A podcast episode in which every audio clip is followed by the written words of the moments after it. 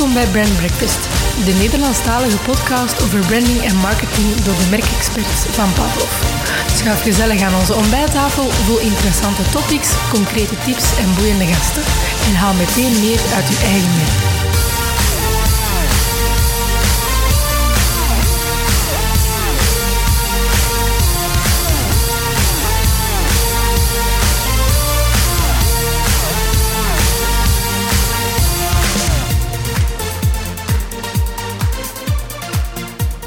Welkom, beste luisteraars. Uh, fijn dat u ons vervoegt voor onze dertigste aflevering intussen. Uh, ik zou zeggen, het is een mijlpaal, maar ik denk dat we in het midden van de, de tweede lockdown hier in, uh, in België uh, wel wat anders aan ons hoofd hebben. Maar gelukkig ook wel branding aan ons hoofd. ik zit met mijn collega... Branding stopt nooit. Voilà, ik zit met mijn collega Michael hier aan, aan tafel, klaar voor een, een nieuwe reeks topics op u los te laten. Deze maand gaan we het hebben over, over twee dingen waar we wat dieper op willen ingaan.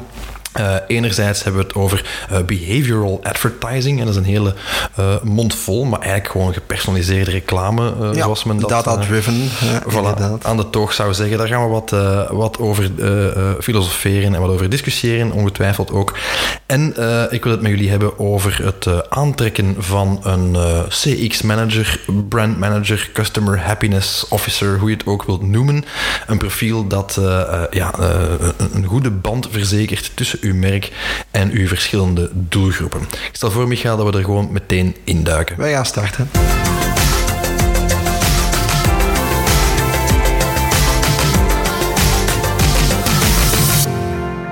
Stef, ik wil het vandaag met u hebben over behavioral advertising. Oké. Behavioral advertising, misschien voor de mensen die dat nog niet kennen of daar minder mee vertrouwd zijn. Zoals ik. Uh, zoals jij misschien, ja, dat kan. Ja. Uh, dat is eigenlijk een vorm van ja, data-gedreven marketing, om het zo te zeggen. Mm -hmm. uh, je hoort dat vooral in de context van online marketing natuurlijk, waar je heel makkelijk kan gaan targeten, kan gaan segmenteren. als je naar je doelpubliek gaat, gaat communiceren of gaat adverteren. Ja, wat elke adverteerder wil eigenlijk. Hè? In feite wel, hè? inderdaad. Dat is uh, altijd een voordeel dat je rechtstreeks naar je publiek uh, zoveel mogelijk kan communiceren. Nu, die behavioral advertising, wat gaat dat eigenlijk doen? Uh, daar gaan we eigenlijk proberen op basis van het gedrag van mogelijke consumenten, het profiel van die personen, hun aankoopintenties, hun, hun sociodemografisch profiel, eigenlijk alles wat gedragskenmerken zijn van hmm. iemand, gaan we eigenlijk proberen daarop te gaan focussen daarop te gaan targeten en echt een heel gerichte boodschap te gaan sturen. Ja. Ik kan dat een beetje vergelijken als je op Facebook surft of op, uh, via Google bepaalde searches doet. Ja, dan krijg je vaak advertenties die relevanter zijn uh, naar uw profiel, ja, omdat jij een bepaald profiel hebt van bepaalde pagina's te liken of naar bepaalde links te surfen. Um, dat is eigenlijk, ja, dat behoort eigenlijk tot dat universum van die behavioral advertising. Ja, en de, de, de, de trail die je achterlaat uh, wanneer je websites bezoekt met een Facebook pixel en, en de cookies die je hebt exact, staan. exact, ja. Dus eigenlijk als je op het internet surft, hè, iedereen weet dat is niet zomaar anoniem. Hè. Je hm. laat inderdaad traceringen achter. En dat is dan handig voor een marketeer of uh, een adverteerder om daar eigenlijk uh, vlijtig op te gaan in te uh, spelen. Okay. Nu, misschien interessant, hè, waarom wil ik daar graag over hebben? Um, ik denk dat de meeste bedrijven ervan overtuigd zijn, maar ja goed, die behavioral advertising, dat dat wel een lucratieve business is. Uh, blijkt ook uit heel wat anekdotes en ook cijfers. Dat je eigenlijk merkt van ja goed, advertenties die meer relevant zijn, die ook meer opleveren. Dat, is op zich ook niet onlogisch natuurlijk. Ja, als, als, onlogisch, je, uh, als je kijkt hoe dat vroeger ging, ja, er, er weer een boodschap gemaakt. Al, al dan niet een leuk spotje op de radio of tv of print. Ja, dat werd dan ja, naar de grote massa uitgestuurd. En dat was eigenlijk gewoon hit en miss. Alleen nog heel vaak is Klopt, dat hit ja, en. Er zit heel veel ruis op communicatie. Hè. En natuurlijk met dit soort technieken kan je daar een stukje meer gaan afbouwen afbakenen, eigenlijk ja, ja. veel gerichter gaan. Hoewel er natuurlijk ook wel wat uh, kinks in de cable zitten. Hè. Ja. Dat is natuurlijk allemaal niet 100% sluitend, uh, maar wel een manier om gerichter te gaan adverteren. En ja, natuurlijk, zoals je er juist ook al zei, Stef, hè, voor een marketeer kan het een beetje een natte droom zijn. Hè. We spreken soms over, over de, de segment of one benaderen. Ja, klopt. Hè, dat je eigenlijk voor elke persoon in je doelpubliek een aparte communicatie zou moeten hebben die gericht is op hem. Wel, dit is de manier waarop je dat eigenlijk al een beetje gaat benaderen. Ja. Niet perfect, maar zo goed mogelijk. Uh, nu, waarom haal ik dat aan? Uh, omdat we bekijken natuurlijk vanuit de zijde van een marketeer. Ik ging net zeggen, uh, met de woorden uit de mond, want als marketeer, ja, denk ja, ik... Ja, lijkt al een super, evidentie. als consument... Ja. Maar de vraag is inderdaad, wat vindt een consument daarvan? hè? En ik heb daar eens wat, wat cijfers rond opgezocht. Nu, je hoort mensen soms anekdotisch wel eens zeggen van ja, ik krijg altijd zoveel advertenties hè, die, die zo typerend zijn aan mij. Ik vind dat een beetje creepy. Mhm. Uh, maar het blijkt eigenlijk uit studies dat de grote meerderheid van consumenten dat eigenlijk al prefereert. Hè. Ook wel duidelijk zegt van ja, die boodschappen, ik wil dat die eigenlijk ook wel cateren naar wie dat ik ben. Ja, dat je al die andere troep niet krijgt. Bij exact, dat, je ja. niet, dat ik geen uh, reclame krijg voor, uh, voor maandverband, bij wijze van spreken, en ook niet voor auto's, wat mij niet interesseert. Hè. okay. maar even goed voor, liever voor sport of gaming, wat me dan wel interesseert. dus ze zeggen ook wel, allee, de grote meerderheid zegt ook heel duidelijk van ja, dat willen we. En geeft zelfs aan, dat vond ik ook wel uh, straf om te weten, dat ze zelfs een aversie hebben. Uh, meer dan de helft van de mensen in die studie zegt dat. Een aversie hebben tegen uh, advertenties die niet relevant zijn voor hen. Ja, wat, wat sowieso in veel gevallen is, hè, opnieuw, als je tv kijkt, in, ja. in veel gevallen, ja, ja, ja. je, je, krijgt alles. Hè. exact. auto's, waspoeier, maandverband, kinderproducten, ook al heb je geen kinderen. voilà, ça. Dus dat kan, dat kan eigenlijk een averechts effect hebben. Um, nu, ze zeggen ook wel van goed, we willen duidelijk dat die advertenties inspelen op onze noden.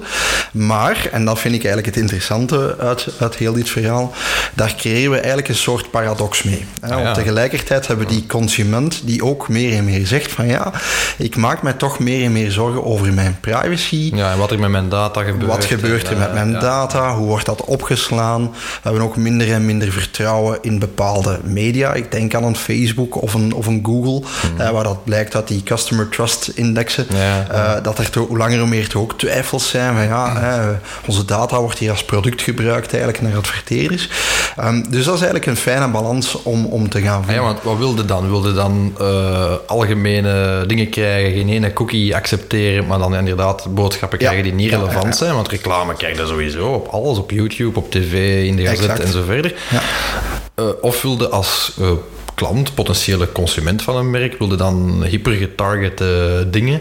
Natuurlijk, ja, dat is ook... Dat, dat, dat, dat, ay, ik ga er misschien allemaal veel te meta in, hè, Michael, maar, maar corrigeer me als ik mij vergis. Uh, dat is een beetje zoals, zoals dat je dat hebt met politieke boodschappen ook, bedenk ik mij. Mhm. Mm -hmm. He, als je op een gegeven moment op Twitter vooral rechtse uh, politici of linkse politici en meningen begint te volgen, ja, dan komt je in een soort van tunnel terecht, een soort van bias. Je De information geen, bias. Voilà, je ja, krijgt geen enkele andere input meer. Ja. dat is voor advertising misschien ook. En misschien mist ik wel uh, reclame voor producten die ik niet eens wist dat ik mogelijk leuk zou vinden op die manier. Of dat is juist, dat is eigenlijk een catch, hè, omdat je natuurlijk, ja, je gaat uit van het profiel van iemand zoals het nu is. Ja. Maar natuurlijk, ja, uh, je levensfases veranderen ook. En, ja, en uw noden. Uh, uw noden. Ja. Hè, uh, en so, so, soms heb ik zelfs noden die ik nog niet weet te hebben. Ja. Hè, waar men dan predictief op probeert in te spelen met allerlei zaken. Dus dat is gewoon Minority Report in tech eigenlijk. Ja, eigenlijk wel. Eigenlijk proberen wij te voorspellen als marketeer wat, een, wat een mogelijke klant gaat doen. Dus binnenkort lezen de, de buskotjes onze retina's, hè, onze, onze ogen, en dan weten ze dan kunnen ze ah, op basis van onze emotie afleiden ja. waar dat we zin in hebben. Ja, Aan die Stef moeten we al niks van, uh, van Apple sturen bijvoorbeeld, want dat is geen fanboy. Hè? Voilà, maar dan komen we natuurlijk al in het terrein van predictive marketing. Ik denk dat we dat ook al eens besproken hebben in een andere podcast. Maar wat ik inderdaad interessant vind, om op uw vraag te antwoorden van ja, hè, hoe gaat je daar als marketeer dan mee om? Uh, het antwoord is, uh, is redelijk complex. Uiteraard. Hè? Omdat uiteraard ga je ergens een beetje moeten zoeken naar een balans tussen die twee. consumenten zeggen enerzijds gepersonaliseerd, maar zeggen ook van ja, met respect voor onze privacy. Uh, wat heeft men uit bepaalde studies achterhaald, en dat vond ik wel interessant, advertenties die te gepersonaliseerd zijn, waar men echt het gevoel krijgt van ja, oké, okay, die adverteerder die kent mij totaal. Ja, te goed. Ja. Die kent mij te goed, of dat wordt ja. zelfs een beetje louche. Daar is men heel, heel argwanend voor. Hè? Uh, dat wil dus zeggen, als jij als adverteerder perfect kan voorspellen wat iemand wenst, uh, dat die consument zoiets heeft van wow, maar ik wil die beslissing ook wel een stuk zelf maken. Ja, dat is een beetje zoals die case die ik in mijn boek heb staan over Target rond, uh, rond big data. Ik haal dat aan als ja, anekdote. ja, dus voor zij die mijn boek nog niet gelezen hebben, doe dat snel. Maar anders ga ik toch even snel een anekdote doen. De man komt in de winkel van Target binnen in de Verenigde Staten, Mhm. woedend, in een supermarkt, roept de manager en zegt, kijk eens, die brochure die ik hier gekregen heb, of de correctie, die mijn 15-jarige dochter thuis ontvangen heeft, dat is allemaal gecaterd met allemaal promoties voor zwangere vrouwen. Ja, Uiteraard is mijn dochter van 15 niet zwanger. Mhm. En die winkeluitbater, die gerant van die Target, zegt, ja, sorry meneer, dat moet een vergissing zijn. Eh, ik weet ook niet hoe dat komt. Hè. Hier is een, een coupon van 50 dollar en Mhm. eh, eh, terug vriend, hè, excuses. Die gast vertrekt en effectief een week later blijkt dus die tienerdochter wel degelijk zwanger te zijn geweest. Ja. En dus het algoritme van Target had op basis van de cookies en het klikgedrag en whatever, de nog, voor dat site, meisje ja. zelf, voilà, nog voor dat meisje zelf had hij eh, vrij accuraat kunnen voorspellen dat ze zwanger was. Hè? En, en eh, ja, door die case heeft Target zijn, zijn AI-policy aangepast, Mhm. zijn advertising policy. Ze, ze hebben nog altijd de verschillende vlaggetjes die aanduiden van ja, dat zou wel eens iemand kunnen zijn die aanstaande moeder wordt. Mhm. Maar nu mixen ze dat, omdat dus, dat is exact sluit aan bij wat dat je zegt. Ja, Ze mixen ja, ja. dat met reclame voor cornflakes of, of, of wasmiddel, zodat het niet te hard meer opvalt. Dat het een beetje nudging is, maar ook niet, Ja, eh, ja, niet dus te opvallend Je is. krijgt wel promoties voor, voor zwangere vrouwen, maar het valt niet te hard op dat ze weten dat je zwanger bent. Het lijkt toeval te zijn. Is dat dan wat je bedoelt dan? Is ja, dan dat is, dat is absoluut of, wat ik bedoel. En je merkt inderdaad in die targeting, er staat ook nog een klein beetje in zijn kinderschoen hier en daar. hè. Want ik merk ook veel collega's die daar fel mee bezig zijn met die advertising, dat die daar ook mee worstelen. Hè. Eh, Maar dan wil het toch gevoeld worden als consument. Hè? Want ik, ik hoor Ja, je zeggen, ja. maar ja, eh, ik wil niet dat ze te veel of te creepy veel over mij weten, maar van de andere kant moet het wel gepersonaliseerd zijn. Mhm. Ja, ik ben een heel zwart-witte mens, dat weet jij, hè? als een vernoot zijnde van mij. Ja, voor mij is het een of het is het ander. Hè? Mhm. Dat is waar, maar je hebt, je hebt de conspiracies eh, die dan zeggen van ja, mijn telefoon luistert mij af bijvoorbeeld. Hè. Ja, wat niet Eh, zo blijkt te zijn, Nee, wat niet blijkt maar te goed, zijn. maar inderdaad, ja, daar, zijn, daar zijn soms dingen in. Hè. Als wij het over iets bepaald hebben, ik zal geen merk noemen, want dan krijg ik zelfs advertenties. Ja. maar eh, hè, waar dat je dan ineens dan de week erna naar een advertentie van krijgt, komt heel creepy over. Hè. Ja, maar dat, is, dat is dan vaak psychologisch. Hè. Je Ehm, ja, zou die either way exact, gehad hebben, of dat je er, exact. het valt gewoon harder op. Dat is zoals als ik een nieuwe auto koop. Ja. In de maanden dat ik dan moet wachten op die nieuwe auto, zie ik die ineens overal rijden. Voilà. Want hij Ja, valt u harder op natuurlijk. Dat is gewoon puur psychologie. Ja, maar, de zeggen... conspiracy theorists spreken nu daar Ja, tegen. ik weet dat, ja, uiteraard. Het Ja. uitsluitsel is daar nog niet rond Nee, maar om terug te komen op dat zwart-witte, voor mij is dat heel eenvoudig. Ik heb als consument graag dat de reclame die ik toch voorgeschoteld krijg, Mhm. hè, degene die ik niet kan skippen of, of die, die, die mij toch in de schoot geworpen wordt, ja, laat die dan alsjeblieft relevant zijn. Hè. En dan heb ik zoiets van, ja, accepteer mijn cookies maar en trek mij maar met, met Pixel. Als jij zegt van, ja, ik wil dat niet, ja, dan kun je dat ook helemaal dichttimmeren, maar dan is de keerzijde van de medaille ook dat je een hoop eh, irrelevante boodschappen... Goh, ik, denk dat het een beetje het probleem in, eh, in die situatie zit, is dat er bepaalde gedragingen zijn, en je geeft nu het voorbeeld van die target case, eh, die dat wij niet willen dat anderen weten. Ja, tuurlijk, ja. En daar zit ergens de balans en de gevoeligheid. Vandaar dat consumenten ook zeggen, ja, oké, mijn privacy moet een voor een stuk ook eh, gerespecteerd Mm, worden. In die zin, maar ja, adverteerders mogen weten dat ik een reis boek, bijvoorbeeld. Ja. Eh, maar ja, die, ik wil niet dat ze weten dat ik eh, ja, als bepaalde duistere hobby's dit of dat Ja. doe en naar, naar die sites Maar ik, maar vind, ik vind het dat heel het punt. Hè. Eigenlijk moet die macht bij die consument zitten op een of andere manier. Allee. Ik heb er geen probleem mee dat, dat, dat, dat, dat een adverteerder weet dat ik naar zijn website van een automerk gekeken Bijvoorbeeld. klopt, en dat ik dan op Instagram ineens foto's van die auto krijg. Mhm. No problem. Logisch. Hè. Ergens nudging, eh, een, een interessante eh, advertentiemethode. Eh, van de andere kant zal ik nooit een smartwatch dragen die via het internet mijn. Ja. mijn vitals gaat zitten mijn checken. hartslag meet en nu mijn gezondheidsproducten. Daar ben ik dan, voilà, daar ben ik dan Ja. weer wel de conspiracy, conspiracy theorist in. Ja, de volgende stap is dat mijn verzekeraar die data kan Ja, kopen en weet van, oeh, die Verbeek, zo gezond leeft je toch niet. En die zijn hartslag is precies toch wat hoog. En ja, sommige periodes van het jaar wandelt hem toch wel heel weinig. Hè? Dan zit hem Voilà, toch wel heel veel ja. op zijn gat. Maar het is dat, Stef, ik denk dat als marketeer ergens de balans zit in, ja, inderdaad, die balans vinden tussen personalisering en privacy. Hmm. Hè. En inderdaad ook dat respect voor je consument, hè, dat je ook niet te ver gaat. Eh, misschien nog één laatste iets zou ik wel meegeven uit die studie, want dat vond ik ook wel interessant. Ehm, ja, dus die balans is een heel belangrijke in het vertrouwen voor die ads, maar blijkbaar ook de merkbekendheid. Hè. Dus eh, merken waar we wel al mee in contact zijn gekomen, Oké. Of waar dat we wel iets van gekocht hebben, waar dat we daar dan een gepersonaliseerde boodschap van krijgen, dat vinden we blijkbaar niet zo erg. Uh, maar als dat ineens bij wijze van spreken een merk in China is, waar ik nog nooit van gehoord heb, die mij een gepersonaliseerde advertentie stuurt, dan gaan er bij ons ook alarmbelletjes. Dat is ook niet onlogisch, hè? Dat, dat is, allemaal niet onlogisch. Dat, nee, dat, nee. dat is in, in het echte leven met mensen ook niet anders. Hè? Ik vind het niet erg dat ik word benaderd door iemand die ik al eens gesproken heb op een receptie en dat hij mij dan een WhatsApp stuurt, uh, bij wijze van spreken. Maar iemand die je niet kent, dat is toch altijd een extra drempel. Hè? Van hoe komt hij aan mijn nummer? Wat wil hij van mij? Voilà. Uh, ja, ja, exact. Dus het is, het is, eigenlijk een beetje psychologie dat we daar moeten toepassen. Dus mijn advies zou ook zijn voor bedrijven die dat willen toepassen. En ik denk, ja, de meeste moderne bedrijven die serieus aan advertising doen, gebruiken retargeting technieken en behavioral, uh, behavioral advertising. Dat is zeker oké, okay, maar overdrijf daar ook niet mee. Hè?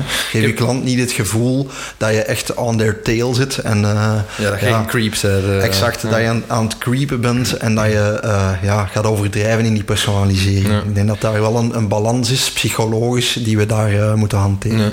Ik bedenk me nog één ding misschien om, om, om topic af te ronden. Van, ja, wat betekent dat voor print ads? Want dat zijn natuurlijk... Je kunt moeilijk gazetten gaan personaliseren en magazines. Want ja, we spreken hier nu vooral over online advertising.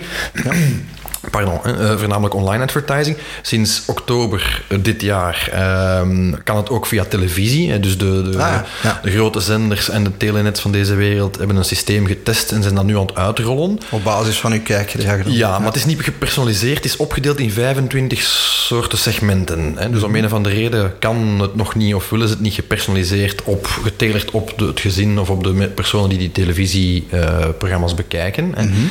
maar ze kunnen dus wel op basis van uw samenstelling van uw gezin en een hoop data die ze over u hebben en uw kijkgedrag, kunnen ze u in een van 25 vakjes onderdelen. Ja. Zodat bijvoorbeeld een gezin dat geen kinderen heeft, ook geen reclame krijgt voor uh, uh, speelgoed of uh, dat soort dingen. Hoewel ik ook daar dat weer los vind. Hè, want ja. ik heb misschien geen kinderen, maar wel petekinderen. Ja, zeg maar klopt, wat.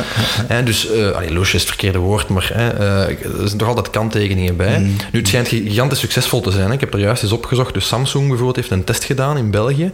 En de return was achtmaal hoger. Ja, uh, en dat mag ook wel, want blijkbaar zijn die, die spotjes waar ze mee ze getest hebben, dus de gewoon, uh, het is drie tot vier keer duurder dan een gewone spot, uh, ah, ja. ja, blijkbaar. om dus een targeted spot op een telenet digicorder te krijgen. Mm -hmm. dus ja, dan mag het wel wat return hebben.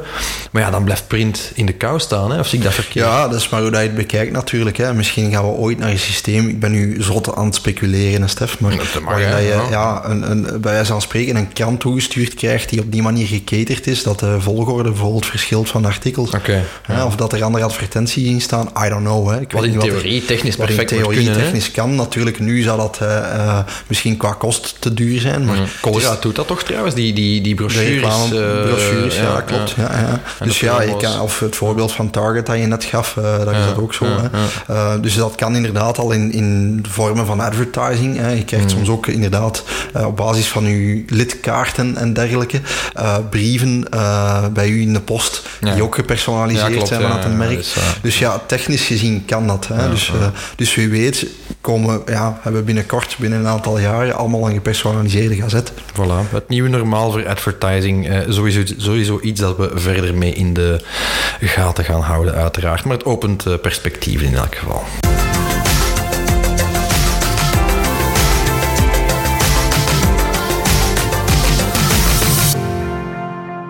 Michael, we hebben de gewoonte, als we met twee uh, in, in deze podcast zitten, om af en toe eens vragen die we van klanten krijgen of kregen uh, te bespreken, omdat we denken van... Er zijn er zoveel. Hè? Ja, maar ik bedoel ermee van, dat is eigenlijk uh, op van die, bepaalde van die momenten dat we zeggen van, dat is eigenlijk een goede vraag. Mm -hmm. Het zet ons zelf aan het denken en dus moeten we dat misschien maar eens delen in de podcast ook als algemeen topic. Yes. En een tijdje geleden kregen we een vraag van een, een grote en trouwe klant van, ja, goh, beste vrienden bij Pavlov, wij overwegen om op jullie advies een keer iemand aan te trekken, een echte brand manager, customer experience manager. -hmm. A, is dat verstandig? B, hoe pakken we dat aan? En uh, ja, wat is dan de, de, de invulling van die job concreet? Hè? Wat moeten we dan zo iemand vragen? En hoe, hoe werven we dat? Wat voor profiel moet dat zijn? Ja, en dan spreek je eigenlijk een beetje over een, een client happiness manager? Of, uh... Ja, uh, it, it, goes by many names. Ja, hè? Laten, ja. we, laten we daar misschien mee, mee starten. Dus in, in, mijn, in mijn boek Brand Hacking spreek ik daar ook over. En zeg ik dat ook. Van, ja, eigenlijk zou je iemand moeten aanduiden binnen uw organisatie... Mm -hmm die daar een soort van eindverantwoordelijkheid over heeft. Hè. Ja. En traditioneel, ik spreek van de laatste twintig jaar, zie je bij grote merken wel eens een brandmanager zitten. Mhm. Ehm, nu, die brandmanagers die zijn vaak heel erg bezig met het, het brand zelf, maar dan vooral met Ja, de, de het strategische en technische Voilà, en het tactische brand. ook, en het vertaling, de vertaling daarvan, maar dan vooral in communicatie, marketing en Mhm. zorgen dat alles on-brand blijft, vooral wat esthetische dingen betreft. Ja, hè, en consistente doortrekking Voilà. van het merk. Ja. Hè, dan gaat een advertentie opgemaakt worden door een reclamebureau, goed, of door onze eigen marketeers. Dan moet die persoon daar even naar kijken om te checken van ja, is dat on-brand? Worden de juiste beelden gebruikt? Mhm. Zitten de juiste kleurtjes uit de brandmanual erin? En begrijp me niet verkeerd, dat is belangrijk. Hè? Ja. Laatste jaren, met de opkomst van het belang meer en meer van alles wat beleving is voor merken, Ja. klantbeleving, Ja, merkbeleving, ehm, zie je dat er zo wat evolutie is van zo'n brandmanager, dat die ook meer bezig zijn met zaken als ehm, customer experience hè, en, en, en die customer journey gaan optimaliseren, hè, die touchpoints gaan uitlichten, daar een strategie rond ontwikkelen en dat mee gaan bewaken. En dan heb je inderdaad nog, maar daar is denk ik dan dat de nuance is, hè, eh, bij dat profiel dat je net zegt van die customer happiness officer, zeker in anglo-saxische context, eh, blogartikels en boeken die ik daarover lees, zie ik dat dat vooral eh, vaak mensen zijn die in het, in het post-sales gebeuren. Ja, meer het serviceverhaal eigenlijk, Voilà. de naverkoop. Meer customer service, meer eh, dienstnaverkoop. Of, of ja, er komen problemen, wat dan? Ja, ja. Ik ben ervan overtuigd, en dat, dat zeg ik dus aan klanten ook, dat je eh, die drie profielen, als je ze al apart kunt eh, beschouwen, dat je dat eigenlijk in één persoon kan steken.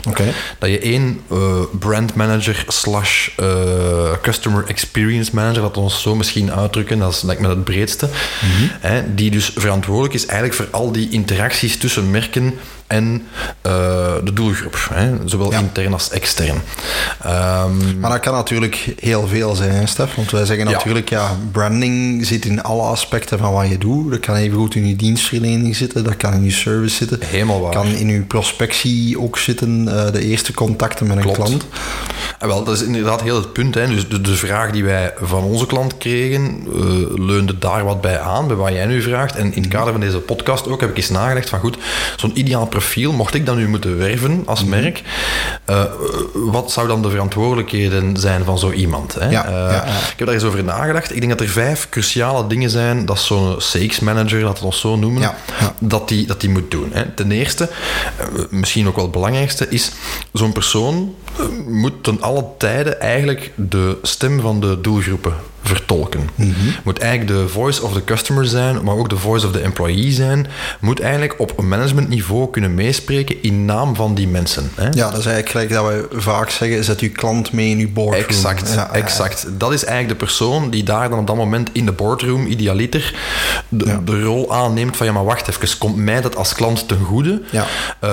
Ik- weten we uit de praktijk, uit vragen die ik krijg van klanten. En is er een alternatief dat misschien nog interessanter is of minder frictie oplevert en zo verder. En dus ik denk dat dat de eerste belangrijke rol is, dat die persoon goed eh, de vinger aan de pols houdt van die doelgroep en die dus ook vertegenwoordigt. En die doelgroep kan even goed een interne doelgroep zijn. Hè. Dat Ja. klinkt misschien al een beetje vakbondachtig, maar in het kader van branding dan denk ik dat het belangrijk is dat je kijkt, goed, krijg ik intern iedereen mee? Intern alle neuzen in dezelfde richting.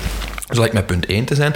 Punt 2 had ik daar eh, eh, eh, mezelf bedacht van ja, de traditionele rol van de brandmanager, en dat alle communicatie, eh, ook intern, extern hè, daar, dat die on-brand is. En met on-brand in de breedste zin van het woord. Hè, dat die Ja. uiteraard beantwoordt aan die guidelines van look and feel, tone of voice, beeldtaal, kleurgebruik en zo verder. Maar ook komen onze waarden, de claims die wij als merk hebben, de beloftes, de purpose die we uitgewerkt hebben, en Ja. waar vaak heel veel energie in gestoken is, komen die daar voldoende uit? Hè? Zijn die duidelijk van op het eerste oogopslag? eh, betekenen de communicaties die wij voeren als merk, betekenen die een meerwaarde in het leven van mensen? hè? Ik denk dat dat eh, eh, taak nummer twee is. Nummertje drie is dan eh, aansluitend dan op die customer service achteraf. Van, ja, Is ergens problem solving? Hè? Eh, problem solving met die kanttekening. eh, je kunt natuurlijk een hele dienst, supportdienst hebben. Ja, hè, ja. die dienst na verkoop, onderhoud van producten, uh, uh, terugnemen van kapotte dingen, weet ik veel wat, dat soort zaken, of, of bijkomende dienstverlening. Ik denk dat dat daar ook moet gaan over retentie, enerzijds, hè, van hoe hou je die klant gelukkig, eerder dan te kijken naar, naar issues, van Ja, oké, goed. Los het probleem daarop. Mijn wasmachine is kapot. Ah ja, we gaan iemand sturen of we gaan dat vervangen of whatever. Maar dat je inderdaad ook die persoon de mogelijkheid geeft om outside the box, om het dan lelijk te zeggen, hè, eh, om de bewandelde processen een beetje te verlaten. Ik kom daar zo dadelijk nog op terug. Maar dat je dus zorgt dat zo iemand eh, in elk geval probeert van iemand happy te maken. Dus die Ja. customer happiness Ja, officer eigenlijk. hè. Ja, of dat hij denkt aan technieken of processen die Voilà. dat eh, kunnen verbeteren. eh, waar dat zij eigenlijk een soort, hij of zij eigenlijk een soort van briefing rond kan maken aan mensen die die naverkoopservice Klopt, gaan die inderdaad die eerste lijn contacten zijn en zeggen van kijk, goh, we hebben nu anekdotisch twee, drie keer dat voor gehad. Ja, wat kunnen we doen om dat eh, te Dat vermijden of te verbeteren? Dat is geen uitzondering. Wat doen we er als organisatie aan om als merk daar een antwoord op te bieden? Oké. Eh, het vierde dat ik dan heb is eh, de brug vormen tussen collega's en silo's binnen organisaties. Mhm. Ook daar verwijs ik in mijn boek naar trouwens. ik kom nog in veel te veel bedrijven, ook als ik daar lezingen over geef, eh, spreek ik daar met mensen over, waar dat sales en after sales en marketing en zelfs PR en communicatie of branding zijn allemaal aparte diensten, Ja. allemaal aparte collega's. Met hun eigen targets en... eh, In het ja, beste geval worden die ergens centraal aangestuurd, maar die hebben inderdaad allemaal hun eigen targets, hun eigen agenda's. En Mhm. vaak is er weinig communicatie. Ik denk dat zo'n profiel misschien ook wel de brug kan zijn tussen dat soort Mhm. silo's binnen bedrijven, zeker grotere bedrijven, speelt dat echt nog een rol. Waarbij je zegt van oké, goed, sales heeft een bepaalde target. Wat kunnen wij vanuit dat merk doen, bijvoorbeeld met de dienst marketing of de dienst eh, eh, acquisitie van klanten, Mhm. om ervoor te zorgen dat die targets voor sales gehaald worden en omgekeerd. Hè, hoe zorgen we ervoor dat de beloftes die marketing gemaakt hebben, dat die ook worden ingewilligd door de Ja. organisatie. Ja. Dus dat je dat een beetje kunt coördineren. En tenslotte punt 5 heb ik daar ja, misschien het meest voor de hand liggende. Zorgen dat in die customer journey, waarvan wij altijd zeggen dat is een infinite loop, die stopt niet bij de aankoop, die gaat ook nog ver lang eh, ver, eh, daarna gaat die door, hè, eh, eh, qua retentie en zo verder. Ehm, dat je daar gaat determineren waar zit die frictie, hè, waar zit Ja. frustratie bij doelgroepen, waar kan je dat wegnemen, hoe kan je intern, ook al is dat bijvoorbeeld iets heel stom en gaat dat, ik zeg maar wat, over de kuisploeg, Mhm. die mensen op een of andere manier een, een, een systematiek gaan voorleggen of een suggestie gaan doen om bepaalde frictie weg te nemen. Hè. Ja. Om wachttijden te verkorten, om, om, om de snelheid waarmee je reageert te verkorten, Mhm. eh, om, om een levering te vergemakkelijken, ik weet niet. Hè. Dus al dat soort kleine details meegaan in de mot houden. Dat is een hele boterham. Ja, want, eh, begrijp ik het dan goed, Sef? Want het zijn inderdaad redelijk wat verantwoordelijkheden Ja. die je daarop noemt. Zo'n profiel, je ziet dat meer als een sturende rol dan een uitvoerende. Ja, ja, absoluut, ja, ja, ja. Dus dat is eigenlijk iemand die inderdaad als liaison gaat werken en naar optimalisatiepunten in functie van de klant gaat zoeken. Voilà. En ik denk dat dat brengt mij naadloos, hè, die vijf punten en die opmerking inderdaad, dat brengt mij naadloos bij wat voor persoon moet dat dan zijn. Ja, hè? ja, ja. Want je kunt daar, daarom niet iedereen eh, eh, dat toevertrouwen. Hè? Mhm. Ehm, eh, ik denk dat er drie heel belangrijke dingen zijn die zo'n persoon of zo'n profiel zou moeten hebben als je dat als merk gaat eh, overwegen om zo iemand aan te werven. Mhm. Dan denk ik dat het eerste, het belangrijkste is dat je eh, iemand vindt die empathisch is, die Ja. zich heel goed kan inleven in zowel processen hè, die misschien al 20, 30 jaar om een bepaalde reden bestaan binnen een organisatie, maar ook vooral in die leefwereld van die klanten, leefwereld van medewerkers, en die vanuit die empathie redeneert. Hè. Die zegt van goed, ik begrijp uw standpunt, maar hoe kunnen we samen tot een oplossing komen? Hè. Dat is heel erg purpose-driven misschien, maar Wil dat ook zeggen dat zo'n profiel in rechtstreeks contact toch een stuk moet zijn met klanten? Of toch alleen hier en daar wel echt ja, met klanten moet kunnen spreken? Voor mij is die klantgerichtheid, of die empathie, eh, onmiddellijk verbonden aan het feit dat je een klantgerichtheid eh, moet hebben daarin ook. En dat staat bij mij ook als samen eh, eh, genoteerd hier op mijn blad van eh, empathie en klantgerichtheid. Ik denk iemand die eh, empathisch is, dat die het veel makkelijker heeft om customer-centric te denken. Ja. Omdat hij zich altijd zal verplaatsen in hoe voelt een bepaald proces of een bepaalde stap in, in een interactie met een merk. Hoe voelt die aan voor een bepaald eh, persona die wij Ja. als merk proberen te bereiken. Ja, ik denk dat dat ook een mooie eigenschap voor een marketeer is. Hè. Voor een Tuurlijk. marketingmanager, hè. men zegt dat ook al, de sterkste marketeers zijn diegenen die een inschattingsvermogen ook hebben eh, richting de klanten. Ja. Wil dat daarom zeggen, rechtstreeks hoor ik u er net zeggen, maar wil dat daarom zeggen dat hij zelf met die klanten moet gaan praten? Ja, mijn persoonlijke antwoord zou zijn ja, maar ik denk dat het al goed is als je bijvoorbeeld vanuit marketing marketing uh, data hebt Ja. rond zeg wat klikgedrag op websites, uh, gedrag in, in, NPS-scores of ja. NPS-scores, allerhande onderzoeken en trackers. Je hebt zoveel mogelijkheden uh, tegenwoordig dat je daar wel over een heel groot deel op kan baseren om te zeggen van ja, dat is belangrijk. Hè. Ja, ja. Het tweede daar is evangelisme. Voor mij is zo iemand ook een hardcore ambassadeur van een merk. Ja. Ook als het slecht gaat of er zijn problemen. Ik denk bijvoorbeeld nu aan COVID, dat is een probleem waar je als merk weinig aan kan doen. Dat overkomt Mhm. u. Maar zo iemand uh, als evangelist moet op dat moment wel, denk ik, het optimisme kunnen opbrengen om te zeggen, ja, maar eh, we zijn goed bezig en we kunnen dat oplossen en we kunnen dat samen aan en zo verder. Mhm. Um, dat is ook iemand die ja, voor mij een beetje de face of the, of the organization is. Hè, zowel intern als extern. Hè, die, daar, die daar het gezicht van is. Misschien zelfs voor een stuk een woordvoerdersrol opneemt en zo verder. Hè. En tenslotte, ja, uh, sluit daarbij aan. En voor mij is dat ook een netwerker. Omdat uh, volgens mij kan je dat niet alleen. Hè. Uh, het zijn heel wat verantwoordelijkheden. Wij zeggen dat ook altijd aan klanten trouwens. En ik blijf dat herhalen. Uh, customer experience, merkbeleving, klantbeleving, hoe dat je dat ook wilt noemen. Dat is een verantwoordelijkheid van iedereen. Dat klopt, ja. Van uh, iemand die aan de receptie zit tot uh, de CEO die de, de, knopen moet doorhakken vroeg of laat over budgetten moet beslissen. Ja, en ik denk zo'n profiel, Stef, zoals jij het nu omschrijft, die heeft inderdaad ook een belangrijke verantwoordelijkheid uh, ja, om, om ook de rest mee te krijgen. Hè? Want wat je omschrijft is ook niet evident. Hè? Het gaat exact. soms over processen aanpassen die misschien uh, jaren al hetzelfde zijn. Dat is confronterend, hè? dat weten we praktische redenen zo gekomen Absoluut. zijn of organisatorische redenen. Um, dus dat is, dat is zeker geen evidentie. Hè? Dat zijn allee, vaak werken van lange adem om dingen aan te passen Mhm. mm -hmm. in customer journey. Ja, zeker bij grote internationale bedrijven. Als je zo'n tankers ja. moet keren, en dat, dat merken wij als consultants ook elke ja, dag in de gaat praktijk. vaak stap per stap. Hè? Stap per stap. En je moet dat goed inmasseren. En mm. verandering en confrontatie horen daarbij. En daar, daar hebben heel veel mensen het nog altijd moeilijk mee. En dat is ook logisch, dat is des mensen. Maar zo iemand, ja, als je zegt dat is een netwerker, dat is iemand die inderdaad blijft plakken uh, mm. op de borrel de vrijdag. Uh, dat gaat nu even niet met COVID, maar normaal gezien dan. Dat is iemand die ook uh, bij de VOCA's en de Unizo's van deze wereld kijkt, waar zijn concurrenten mee bezig Inspiratie ophaalt. Inspiratie opzoekt, met andere bedrijven spreekt en zo verder. Mm -hmm. uh, dus ik denk dat dat, dat, dat, dat zo de drie standaard traits zijn. Mm -hmm. um, ik zeg daarnet van dat is de verantwoordelijkheid van iedereen. Hè. Daar wil ik toch nog, zeker nog iets aan toevoegen. Um, ja, doordat het een verantwoordelijkheid is voor iedereen, um, is het belangrijk, denk ik ook, dat zo iemand de mogelijkheid krijgt om daar zelf beslissingen in te nemen vanuit die voice of the customer slash employee. Ja, Wat bedoel ja, ik daarmee? Ja, Wij zien uh, in allerhande cases, niet noodzakelijk bij klanten, of kan, kan niet direct op iets komen, maar uh, we zien wel verhalen van bedrijven die zo'n customer happiness uh, officer hebben of een brandmanager hebben.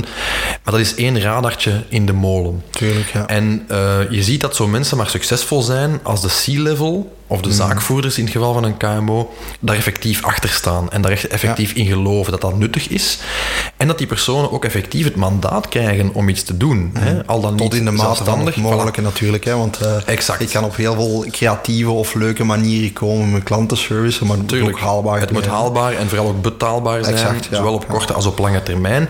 Maar je moet zo iemand wel kunnen mandateren, idealiter gewoon in uw board hebben, in uw C-level mm. hebben, zodanig dat of iemand... toch een adviserende rol daaraan. Hè? Exact, dat die inderdaad een, een, vinger in de pap heeft. Hè. Ja. Uh, Stef, hetgene wat je omschrijft, denk je dat dat uh, dan meer aansluit bij een HR-profiel? Of uh, zie je dat meer als een, ja, een soort van employer-marketer intern? Um... Geen van beide en tegelijkertijd allebei. Ja, voor, voor mij is dat, en dat is denk ik ook de reden waarom veel bedrijven met die vraag worstelen, dat is een profiel dat niet in een van die vakjes past. Mm. Die, dat is niet noodzakelijk commercieel, want het doel van die persoon is niet om te verkopen, of toch niet ja. het onmiddellijke doel. Mm -hmm. uh, dat is niet customer service, want het, het, doel is niet onmiddellijk om problemen op te lossen, maar mm -hmm. eerder op lange termijn naar processen en, en customer journey te kijken. Uh, is ook niet HR, want het gaat niet over de juiste mensen werven uh, per se, of toch niet alleen. Ja. ik denk dat het een combinatie is van, en omdat dat een persoon is die zo bij wijze van spreken een beetje op een eilandje alleen zit, of met een dienst alleen zit, mm -hmm. creëer je natuurlijk misschien ook weer ergens een, een silo, hè, een nieuwe ja. silo, hè, wat dat je wilt vermijden. Um, maar dat is voor mij zeker geen HR of marketingprofiel mm. uh, per se, hè, als je zo iemand aanwerft. Ik denk dat je dat echt als apart moet bekijken, als een nieuwe tak die bij veel bedrijven nog niet uh, bestaat, of waar wel mee geëxperimenteerd wordt in meerdere of mindere mate.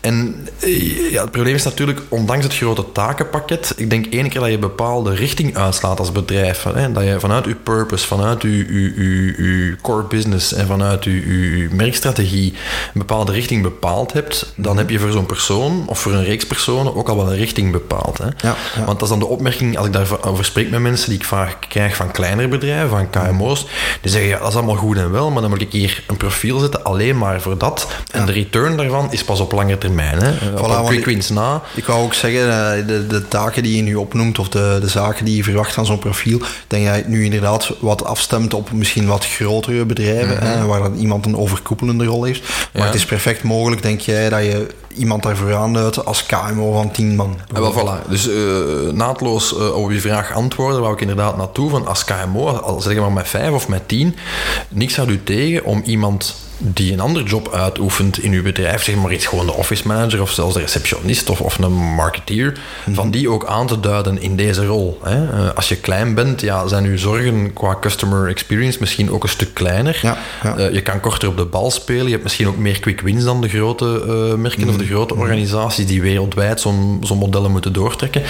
Ehm, hierbij denk ik dat het niet onlogisch is dat, stel dat jij een bakkerij hebt met drie medewerkers, eh, dat je een van die drie aanduidt als ja, jij bent meteen ook verantwoordelijk of mee Ja, verantwoordelijk maar mee in de gaten te houden. Voilà, om dat mee in de gaten te houden, om te signaliseren wat er eh, fout gaat, of, of opmerkingen die je krijgt van klanten, whatever, van dat door te geven, eh, op voorwaarde dat je die persoon dus effectief ook mandateert om daar ja, zijn mening te mogen geven, of, of, of haar opinie, zonder daarop afgestraft te worden, hè, van don't shoot the messenger. Want dat is inderdaad misschien ook een interessante, Stef. Ehm, is zoiets combineerbaar met de rol van een zaakvoerder? Kan een zaakvoerder die rol ook op zich nemen? Want het is toch iemand die de visie mee uitschrijft? Of zeg je van ja, nee, dat moet eigenlijk iemand zijn die ook kan challengen, omdat de zaakvoerder misschien te betrokken is bij de huidige processen? Ik denk dat. Ik Ja. sluit dat niet uit dat dat kan. Hè. Als jij een heel empathische zaakvoerder bent, het probleem is dat je toch altijd biases hebt. Tuurlijk, ja. Dat er toch altijd een soort emotionele eh, geladenheid en betrokkenheid is. Ehm, ik denk dat dat heel moeilijk is om dat echt aan een zaakvoerder toe te Hm. vertrouwen in een KMO. Hè. Hoewel dat die daar vaak heel erg voor openstaan. Hm. Maar ik denk dat de reflex dat eh, hij of zij als zaakvoerder dat moet hebben op dat moment eh, eerder moet zijn van ik ga inderdaad iemand zoeken die dat ook durft te challengen. Ja, ja. Natuurlijk ook hoe groter een bedrijf wordt, hoe minder dat zaakvoerders en, en, en, en directieleden en kaderleden nog echt op die vloer staan. Hè. Tuurlijk, ja. ja. Eh, als wij projecten doen in de retail, ja, ik, ik, die CEO's die komen wel eens in hun winkels, bij wijze van spreken, maar ja, die staan daar ook niet elke dag. Hè. Die zien daar ook de, de, Ja. Ja. de soms absurde eh, situaties. situaties, Voilà, ja. Die zien dat niet, hè. die horen dat hoogstens als een anekdote. En dan denk ik dat je toch moet zeggen, ja, er is daar iemand die daar de ogen voor open houdt, die ook zegt van, mannetjes, we doen dat misschien al 50 jaar helemaal verkeerd, Ja. of met een nieuw inzicht terug te komen. Eh, ja, dat is vaak een rol die wij als consultant hebben, hè, omdat wij natuurlijk als buitenstaander daar eh, diezelfde belangen niet bij hebben. Maar ik denk dat dat ook intern moet mogelijk zijn. Maar een zaak het kan, hè, ik sluit het niet uit, maar dat lijkt mij moeilijker. Ja, ik begrijp je punt. Ik, ik heb daar dezelfde stelling over, maar ik, ik was eens eh, benieuwd Ja, wat nee. jouw perceptie daarover was. Enfin, eh, ik hoop in elk geval dat het merken aanzet om daarover na te denken. Ik denk dat de- de COVID-pandemie nu eh, een ideaal momentum is de koer om zo'n model onder de loep te nemen.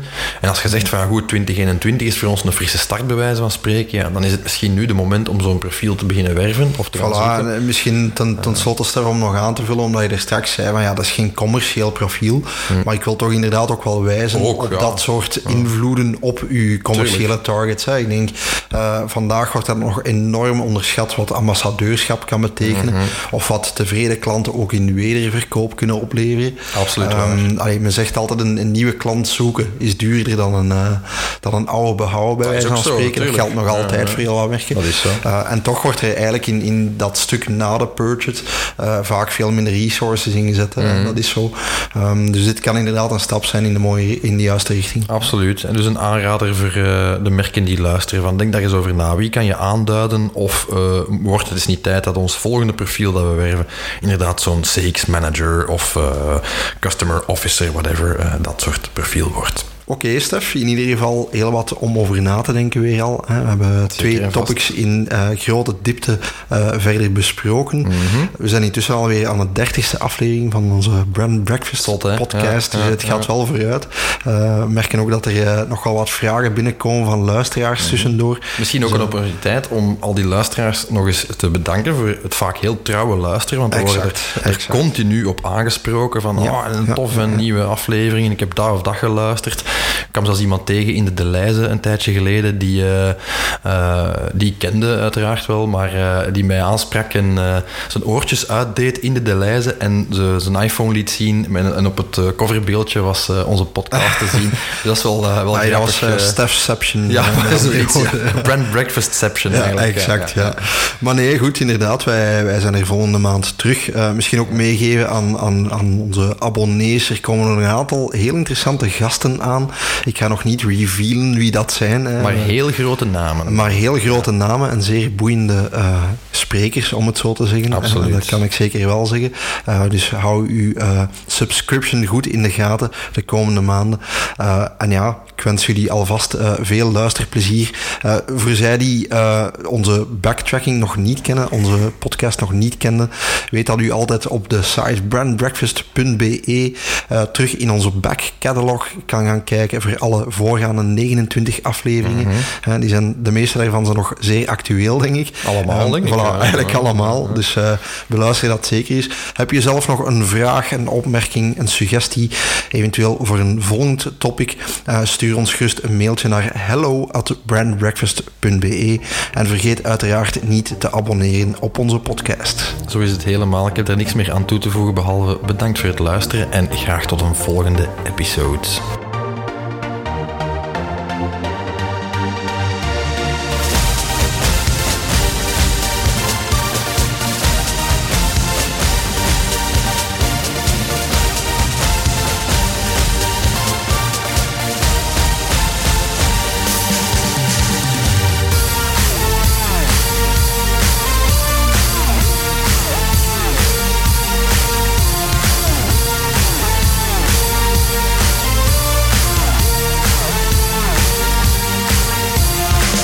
Was Brand Breakfast voor deze aflevering.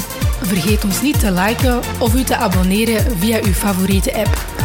Ontdek ook al onze andere episodes via brandbreakfast.be en discussieer mee via hello at brandbreakfast.be of onze sociale mediakanalen.